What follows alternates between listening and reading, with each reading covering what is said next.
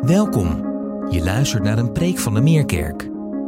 Deze preek maakt deel uit van de prekenserie getiteld Ik Ben. We staan stil bij de identiteit van Jezus en hopen Hem nog beter te leren kennen. Wie is Hij toch? En wat zegt dat over wie wij mogen zijn?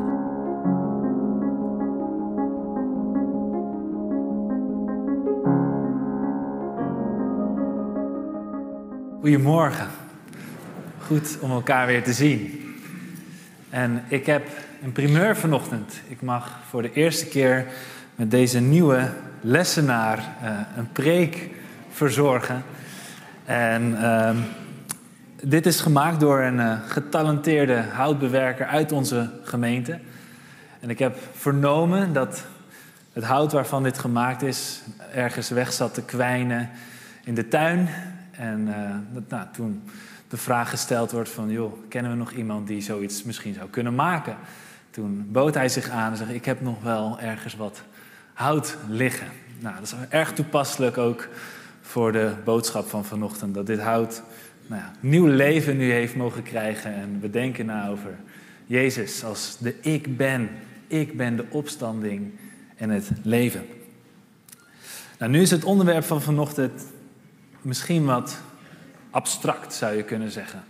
De vorige diensten die we hebben gehad waren iets concretere beelden. Daar konden we ons iets bij voorstellen. De goede herder, de deur. Maar de opstanding en het leven, dat is niet iets wat je vast kan grijpen. En daarom is het zo belangrijk dat we het Bijbelgedeelte hebben gelezen net. Want juist in de context van het verhaal komt het dichtbij. En dat is het verhaal van Lazarus, een goede vriend van Jezus. Lazarus en zijn twee zussen, Martha en Maria.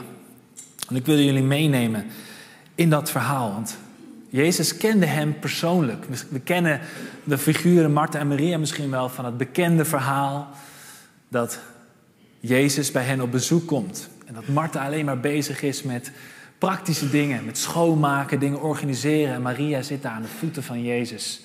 En Martha die zegt bijna verbolgen van, joh, moet je er niet van zeggen? Die Maria zit alleen maar aan uw voeten en ik zit hier al het werk te doen. Waarop Jezus zegt, Martha, Martha, maak je niet zo druk. Maak je niet zo druk. Er is maar één ding noodzakelijk. En daar heeft Maria voor gekozen. Zij heeft gekozen voor het ene ding wat noodzakelijk is. Het zitten aan de voeten van Jezus. Dat is de relatie die Jezus had met deze familie. En dat lezen we ook.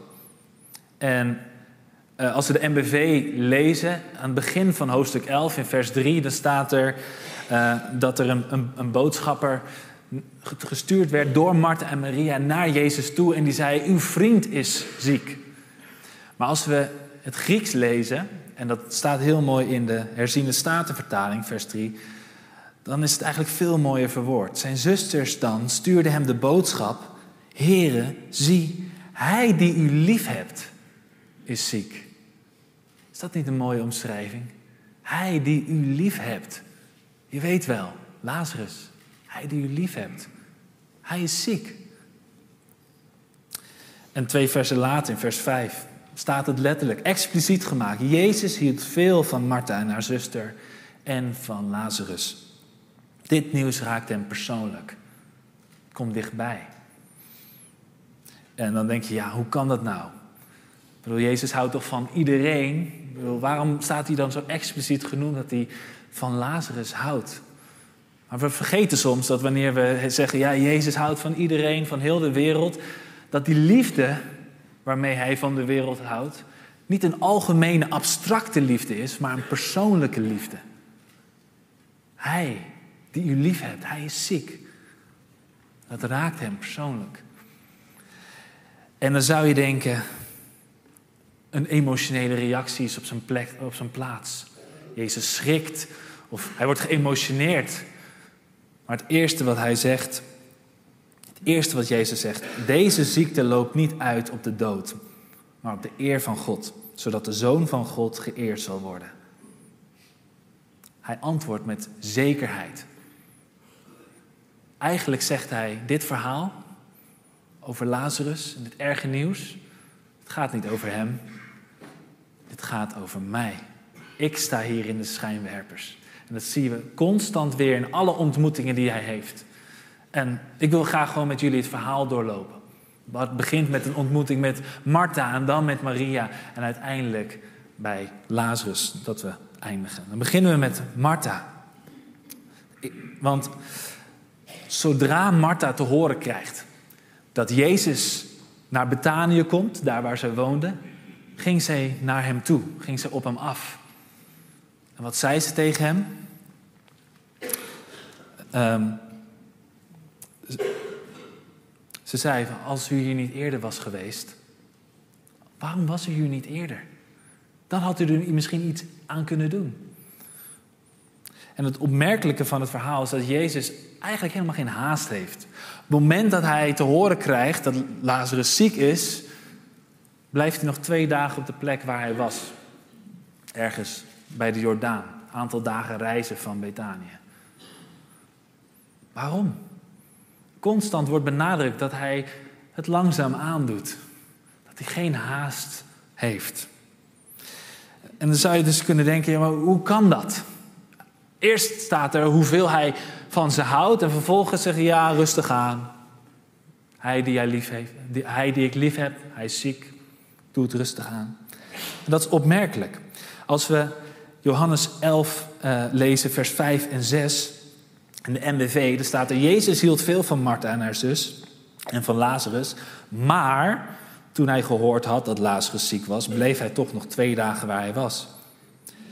Maar in de brontekst, in het Grieks, is dat woordje voor maar, is niet maar. Het woordje wat er staat is dus.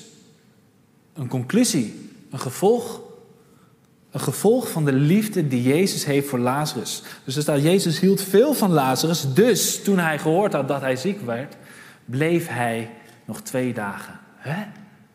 Dat is een van de meest tegenstrijdige zinnen misschien wel in de Bijbel. De reden dat Jezus twee dagen wacht is juist omdat Jezus van Lazarus, Lazarus houdt. Hoe kan dat? Wat Jezus van plan is, gaat hij nog zoveel meer geven dan waar ze ooit op hadden kunnen hopen. Hij is niet lui. Nee, hij doet niet de dingen op onze timing. Hij doet niet wat wij van hem vragen op de manier waarop wij het graag zouden willen zien. Hij doet dingen volgens de timing van God. Hij doet dingen volgens de timing van God. En dat heeft hij al duidelijk gemaakt in vers 4. Daar zegt hij, deze ziekte loopt niet uit op de dood, maar op de eer van God, zodat de Zoon van God geëerd zal worden. Hij is bezig met God vereren. Dat is de manier waarop hij Lazarus lief heeft. Gehoorzaam zijn aan God. Niet een emotionele opwelling, nee. Doen wat de Vader van mij vraagt. Dat is de manier waarop ik Lazarus lief kan hebben. En God had een veel grotere bedoeling in mee. Het ging niet alleen om Lazarus. Het ging er uiteindelijk om dat Jezus geëerd zou worden. Zijn eer staat op het spel. Dat is waar dit verhaal over gaat. En in onze beleving, in onze wandel met God kan het soms ook zo voelen. Dat we het niet kunnen begrijpen. U zegt dat u van mij houdt, ik lees in de Bijbel van allerlei beloftes waar ik vanuit mag gaan, waar ik op mag hopen. Waarom grijpt u niet in? Waarom doet u dan niks? Waarom hoor ik dan niks? Waarom moet ik dan zo lang wachten? Ik lees in Psalm 37, vers 4: Zoek je geluk bij de Heer. Hij zal geven wat je hart verlangt. Maar wanneer onze gebeden te lang onverhoord blijven, ja, dan voelt het alsof deze beloftes in ieder geval niet voor ons gelden. We vertrouwen er niet meer op. En dan kunnen we verwijten naar God. We kunnen zeggen, ja, laat maar. U heeft toch allerlei dingen beloofd. En het is dat Martha dat niet doet. Want Martha zegt wel, eh, eh, ze had van de boodschappers al te horen gekregen, deze ziekte zal niet uitlopen op de dood. En toch, hier zijn we, mijn broer is dood. Waar was u? Maar dit was geen verwijt. Want meteen erachteraan zegt ze: Maar zelfs nu weet ik dat God u alles zal geven wat u vraagt. Nog steeds heeft ze vertrouwen in Jezus. Ze snapt het niet, maar ze vertrouwt wel. Zij beoordeelt de liefde van Jezus voor haar niet op basis van de omstandigheden, niet op basis van wat ze kan zien, hoe onbegrijpelijk het ook is. Nee, ze vertrouwt Jezus om wie Hij is. Hij zal het wel weten. En soms is dat gek genoeg de beste plek waar we kunnen zijn. Dat we niet meer zien hoe het goed kan komen. En dat is ook misschien wel de reden dat Jezus het langzaam aandeed. Als, als je laatst als één dag gestorven was, hmm, was het misschien nog de twijfel of hij wel echt dood was. Er was, dat lezen we in de oude rabbijnse literatuur, dat er een regel was onder de Joden dat pas wanneer iemand drie dagen dood is, dan is iemand echt dood. Dus bij de vierde dag kan je wel zeggen ja. Want het gebeurde wel eens, zeker als iemand ziek was en de ademhaling werd steeds minder, dat mensen begraven werden en dan tijdens de begrafenis hoorde je. Mag ik eruit? Oeps, sorry. Om dat te voorkomen hebben we een regel vastgesteld. Wanneer vier dagen verstreken zijn, of na drie dagen, dan weten we deze persoon is overleden. Het kon niet missen dat wat Jezus van plan was, een wonder was. Dat kon niemand onderuit halen. Hij lag al vier dagen in het graf en hij was iets van plan. En Martha, Martha had geen idee. Maar Martha vertrouwde. John Newton, de schrijver van het lied Amazing Grace, die heeft gezegd, dat is mijn eigen vertaling, hij zegt, alles is noodzakelijk wat God jou geeft. Als God jou iets geeft, dan is het per definitie noodzakelijk. Dan heb je het nodig. En daarnaast kan niks noodzakelijk zijn wat Hij ons onthoudt. Wanneer Hij ons iets niet geeft, ook al vragen we erom, blijkbaar hebben we het niet nodig. Blijkbaar is het niet noodzakelijk. Hij weet het beter. Dat maakt dat deze tekst van vanochtend, ik ben de opstanding en het leven, zo binnenkomt. Als hij Martha probeert te laten zien wie hij is, te midden van deze situatie. Jezus zei, je broer zal uit de dood opstaan. Oftewel een herhaling van wat ze al wist. Dat had ik toch gezegd. Je broer zal uit de dood opstaan. Ja, zei Martha, ik weet dat hij bij de opstanding op de laatste dag zal opstaan. Nee, nee, Martha, je snapt het niet. Je snapt niet wat ik probeer te zeggen. Ik ben de opstanding en het leven. Er is maar één ding noodzakelijk, Martha. Alles wat je, wat je zoekt staat hier tegenover je. Dit is het. Ik ben het. Dat is het geheim. Dat de opstanding is niet een evenement in de toekomst, iets wat een gebeurtenis wat misschien ooit gaat gebeuren waar we op mogen hopen. Nee, de opstanding is een persoon. Een persoon die tegenover haar stond. Hij kon hem in de ogen kijken.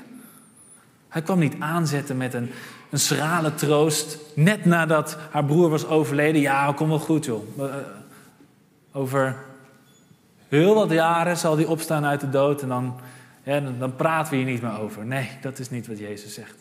Jezus zegt, hallo, je bent hier in de aanwezigheid van de opstanding en het leven. Je kijkt ernaar.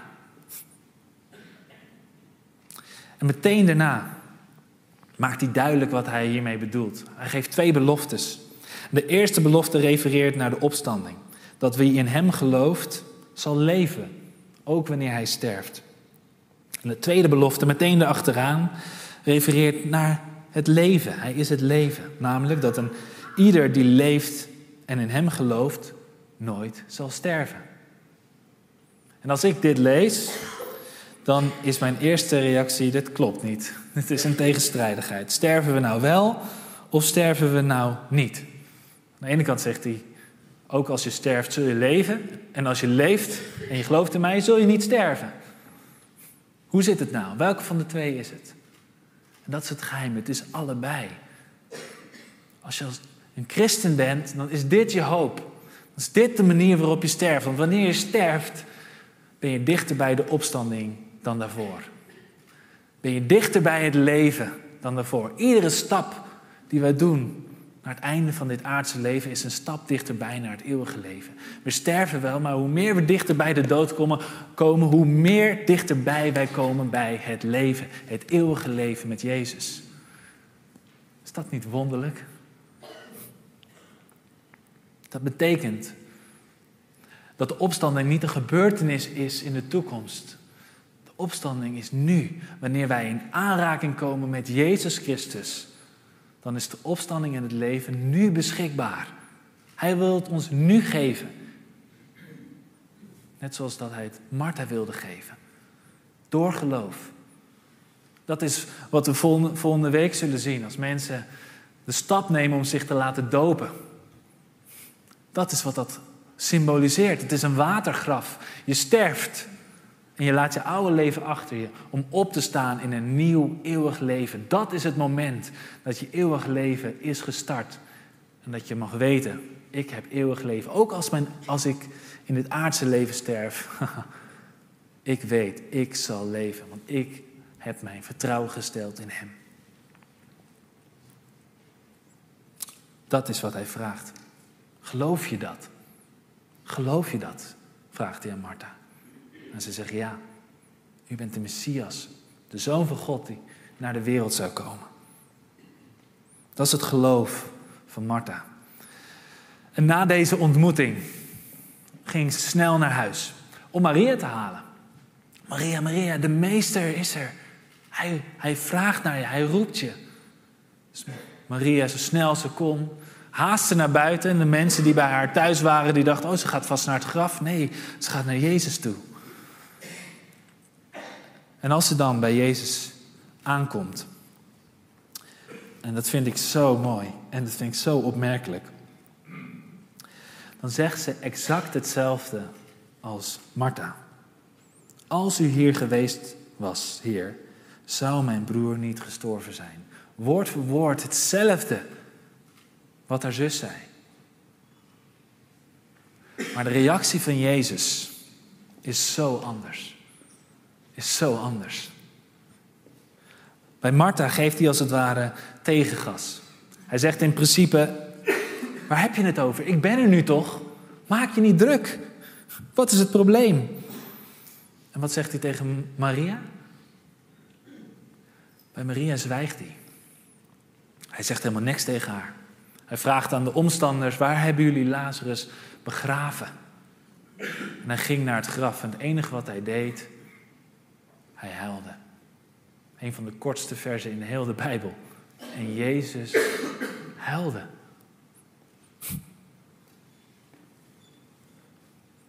Je zou kunnen zeggen dat aan Martha toont Jezus zijn goddelijkheid. Ik ben de ik ben. Ik ben God. Ik ben de opstanding en het leven. Hij gaat als het ware de confrontatie aan. En aan Maria toont hij zijn menselijkheid. Hij zegt niks. Hij komt niet met antwoorden. Het enige wat hij doet is dat hij meehuilt met haar. In het moment. Hij toont zijn menselijkheid aan haar. En we hebben het allebei nodig. En we hebben het allemaal nodig. Op één moment hebben we een confrontatie nodig. Als we in, in een eh, ja, verbitterd raken of in verdriet zijn of het niet meer weten. Of als we radeloos zijn, dat we iemand zeggen van joh, Maak niet druk. Hij is de opstanding in het leven. En op een ander moment hebben we niks nodig, behalve dan iemand die zijn arm om je heen slaat en met je meehuilt. En Jezus doet beide. Hij is God, hij is mens. In iedere situatie levert hij maatwerk. Hij is het antwoord in iedere situatie. Omdat alle extremen in hem gewaarborgd zijn. Zie je? Hij is God en hij is mens. Hij is krachtig en tegelijkertijd is hij zachtaardig. Hij is fel. Hij is ook teder. Hij is zelfverzekerd en tegelijkertijd nederig. Hij is de hoogste en hij ging de laagste weg. Hij is de enige die kan neerdalen tot de diepste hel om de doden mee te nemen naar de hoogste hemel. Hij is de opstanding in het leven. Hij omvat alles. Hoog en laag en alles ertussenin. En hij geeft ons altijd wat we nodig hebben. Niet altijd wat we vragen, maar wel altijd wat we nodig hebben. En als we doorlezen in het verhaal, dan zien we ook hoe dit contrast zichtbaar wordt in de manier waarop hij reageert. Want hij is niet alleen verdrietig, hij wordt ook boos. En dat lezen we misschien niet heel erg duidelijk in onze vertaling. Veel vertalingen die, die, die vertalen het Griekse woord uh, een beetje mild. Uh, dat is vers 33. Vers 33 zegt: Jezus zag hoe zij, hoe zij, Maria en de Joden die bij haar waren, weeklaagden. En hij ergerde zich. Nou, hij ergerde zich. Dat is een beetje van, nou, ik vind het een beetje irritant. Maar het Griekse woord wat daar staat is niet gewoon erger. Nee, het is, je wordt woest, je springt uit je vel. Jezus werd woest. Oh, hij was niet alleen verdrietig, hij was boos. En dit kan twee redenen hebben. Twee redenen die elkaar niet uitsluiten, overigens. De eerste reden waarom hij boos wordt is dat er om hem heen wordt geweeklaagd. Oftewel, de opstanding en het leven is in hun midden en zij zitten te huilen. Waar is hun geloof? Hij wordt boos om hun ongeloof. En de tweede reden dat hij woest wordt, is omdat hij oog in oog komt met zijn grootste vijand. Als hij het leven is en hij staat oog in oog met de dood. De dood die zijn schepping kapot maakt. De dood ziekte, pijn, verdriet, alles wat hij niet bedoeld had met zijn schepping. Het maakte hem zo woest. Oh, ik vind dat zo mooi. Dat we niet een God hebben die alleen maar meehuilt. Of als een God erboven staat, oh, ik ga het wel even fixen. We hebben een God die mee kan huilen. Een God die boos kan worden. Als wij in situaties zijn waarin we het allemaal niet meer begrijpen. En dan staat hij naast, nee, ik begrijp het ook niet begrijp het wel. Maar ik voel met je mee. En ik ben misschien nog verdrietiger dan jij ooit kan bedenken. En ik ben bozer dan jij ooit kan bedenken. Want de mensen die hem zien huilen, die zeggen dan: Oh, kijk nou hoeveel hij van Lazarus heeft gehouden. Oh, hij huilt om hem. Maar dat is gek. Jezus heeft van begin af aan al gezegd: Ik, ga hem, ik, ik laat hem opstaan uit de dood. En dan gaat hij op de valreep, drie minuten voordat Lazarus naar, buiten loopt, gaat hij nog huilen om hem. Dat is raar. Nee, hij huilt niet alleen om Lazarus. Hij huilt omdat hij oog in oog staat met de dood. Hij wordt er verdrietig van. Hij wordt er boos van. En als hij de confrontatie aangaat met de dood, is dat niet alleen als een mak lammetje dat geslacht wordt. Dat ook. Maar tegelijkertijd als een brullende leeuw. Verdriet en woede. Dat mogen we leren van Jezus.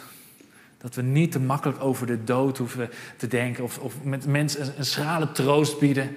Zo van, ach, het komt wel goed. Je zult hem wel weer zien in het hiernamaals. Nee, we mogen boos worden. Dit is niet hoe het bedoeld is. Het mag ons raken. En we mogen leren van Jezus dat dezelfde dood die hem woest maakt, is de dood die hem deed huilen. We hebben ze beide nodig, verdriet en woede. Want verdriet zonder woede wordt al heel snel, ja, sentimenteel of zacht. Terwijl woede zonder verdriet wordt al heel snel hard. We hebben ze allebei nodig. En bij Jezus zijn ze perfect in balans. Alle extremen komen bij elkaar in de God-mens. Hij geeft ons hoop voor de toekomst. Een vertroosting in het heden. Martha en Maria. En zo komen we bij onze laatste broeder, Lazarus. En het verhaal nadert haar climax. Wanneer Jezus het graf van Lazarus benadert en roept om de steen weg te halen. En vervolgens bidt hij hardop en daarom wordt wederom duidelijk waarom dit wonder plaats moet vinden. Namelijk Waarom? Opdat ze zullen geloven dat u mij gezonden hebt. Dat is de reden waarom dit wonder plaats moet vinden. Wederom de schijnwerpers op zichzelf. Hij wekte Lazarus niet uit de dood op omdat hij nou eenmaal meer hield van hem dan van alle andere dierbaren die waren overleden. Nee, hij had iets anders in gedachten. Deze opstanding van Lazarus is een voorteken, een voorafschaduwing van de ultieme opstanding uit de dood. De opstanding van Jezus zelf. Want hoe wonderbaarlijk dit wonder ook is van Lazarus, het is niks vergeleken met de opstanding van Jezus. Lazarus stond op en heb je wel eens bedacht dat hij 20, 30, 40 jaar nog te leven had en alsnog stierf? Jezus stond op om nooit meer te sterven. Zijn opstanding was anders dan die van Lazarus. En we kunnen ons soms wel eens blind staren op de wonderen die we zo graag willen zien in dit leven hier op aarde. En begrijp me niet verkeerd, ik geloof dat God alles kan doen. Dat Hij mensen kan genezen. Als Hij wil, kan Hij doden laten opstaan. Hij kan alles. En we mogen alles aan Hem vragen. En soms geeft Hij misschien wel wat we vragen, soms ook niet. Maar hoe het ook zij, we mogen nooit doen alsof die wondertekenen het ultieme wonder zijn. Ieder wonder wat we mogen zien en waar we over mogen lezen, is een voorteken van het ultieme wonder. Van de opstanding van Jezus Christus. Want hij stond op uit de dood. En in zijn lichaam voer hij heen naar de hemel. En hij zit nu in dat, met dat lichaam aan de rechterhand van God. Paulus noemt hem de eerstgeborene uit de dood. Hij is, hij is ons voorgegaan.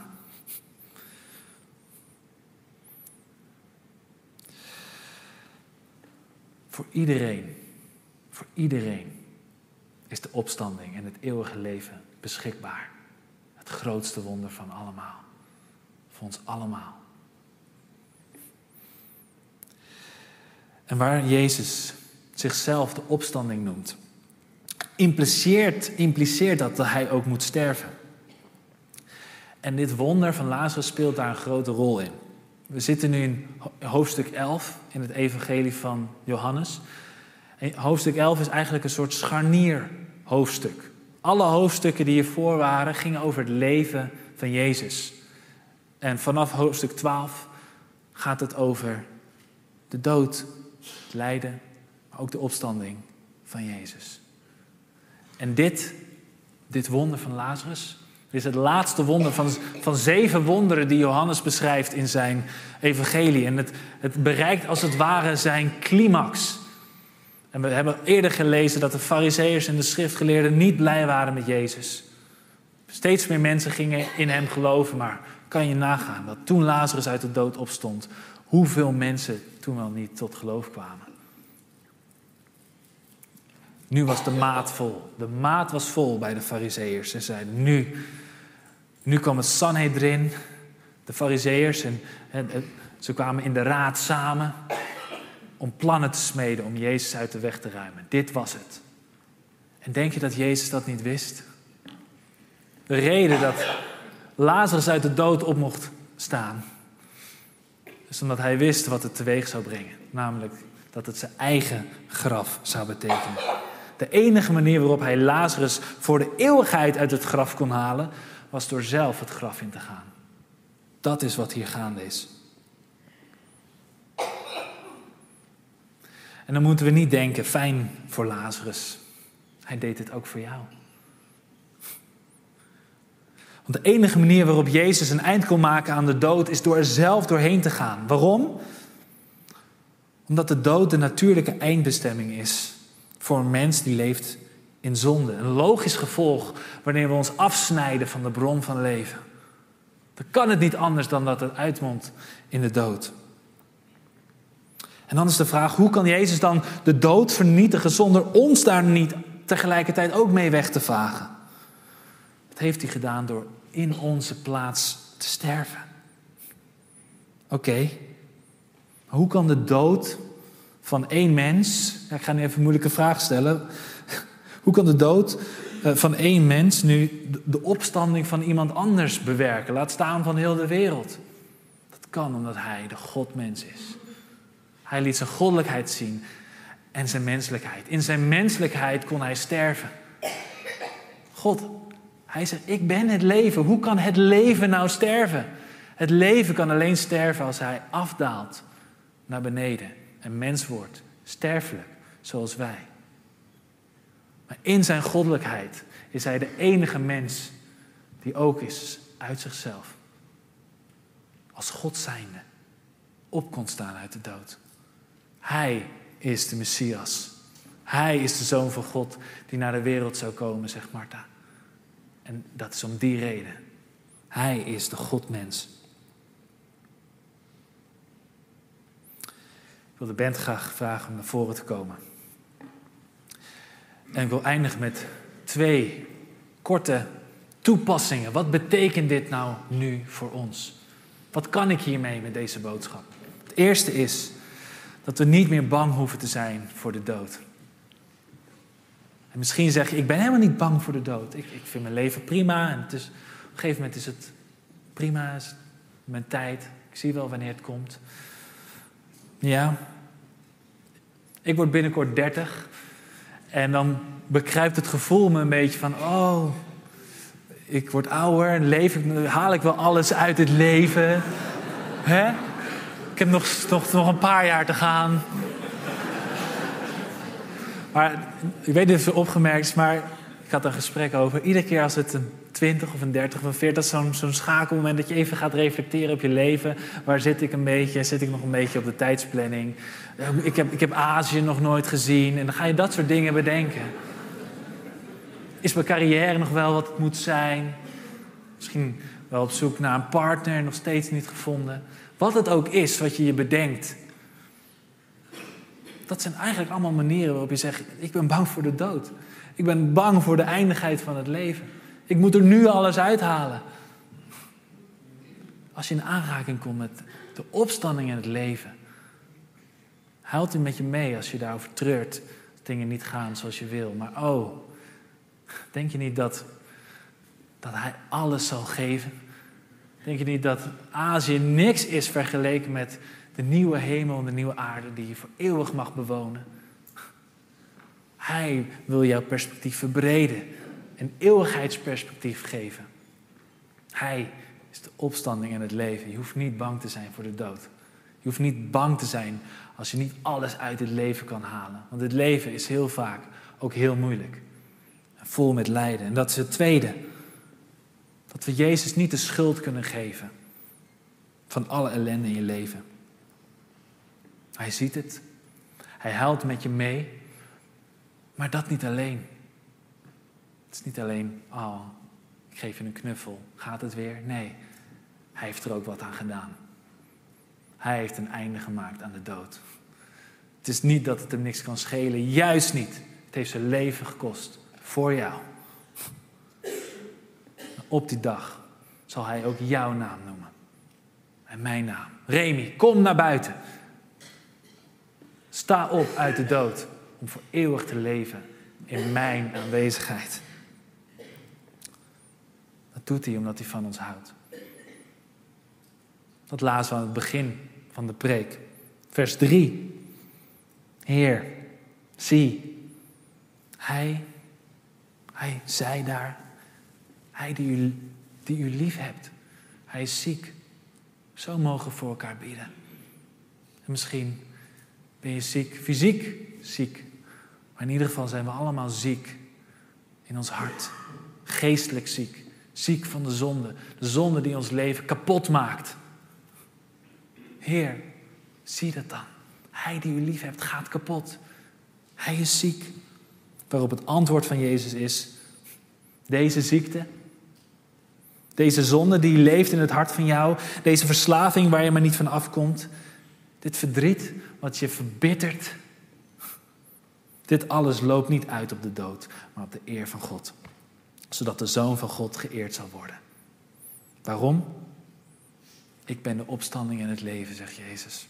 Wie in mij gelooft zal leven, ook wanneer hij sterft. En ieder die leeft en in mij gelooft, zal nooit sterven. Geloof je dat? Laten we bidden.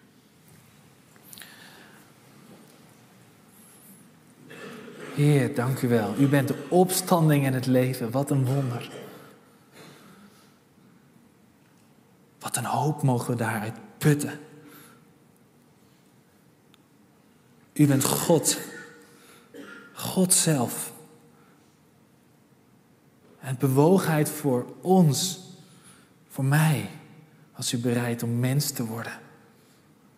Dat dat de enige manier was om dit probleem op te lossen, om uw vijand te verslaan. De dood zelf. U heeft de dood overwonnen. Want als mens bent u gestorven, maar als God bent u opgestaan uit de dood. O Heer, dank. Dank dat ons eeuwige leven nu al mag beginnen. Dank dat de opstanding niet een gebeurtenis is waar we nog heel lang op moeten wachten. Nee, opstanding is een persoon. U bent het. En we mogen u vandaag al kennen. En vandaag al leven in het eeuwige leven wat u ons wilt geven. Dank voor dat wonder. En u vraagt aan een ieder van ons: geloof je dit? Geloof je dit echt? Hoor ons zo, Heer, als we een moment nemen van stil gebed. Als we antwoord willen geven op deze vraag.